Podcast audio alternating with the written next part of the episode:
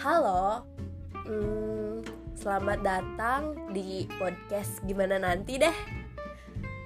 Kenapa namanya Gimana Nanti deh? Karena podcast ini isinya bakal cerita apa pun, random, cerita galau, cerita seneng, cerita keluarga, pokoknya gimana nanti deh. Karena ya gue bikin podcast ini juga iseng-iseng doang sih. Kayak gue butuh tempat buat uh, nampung semua omongan gue pas gue lagi pas gue lagi ngomong sendiri gitu.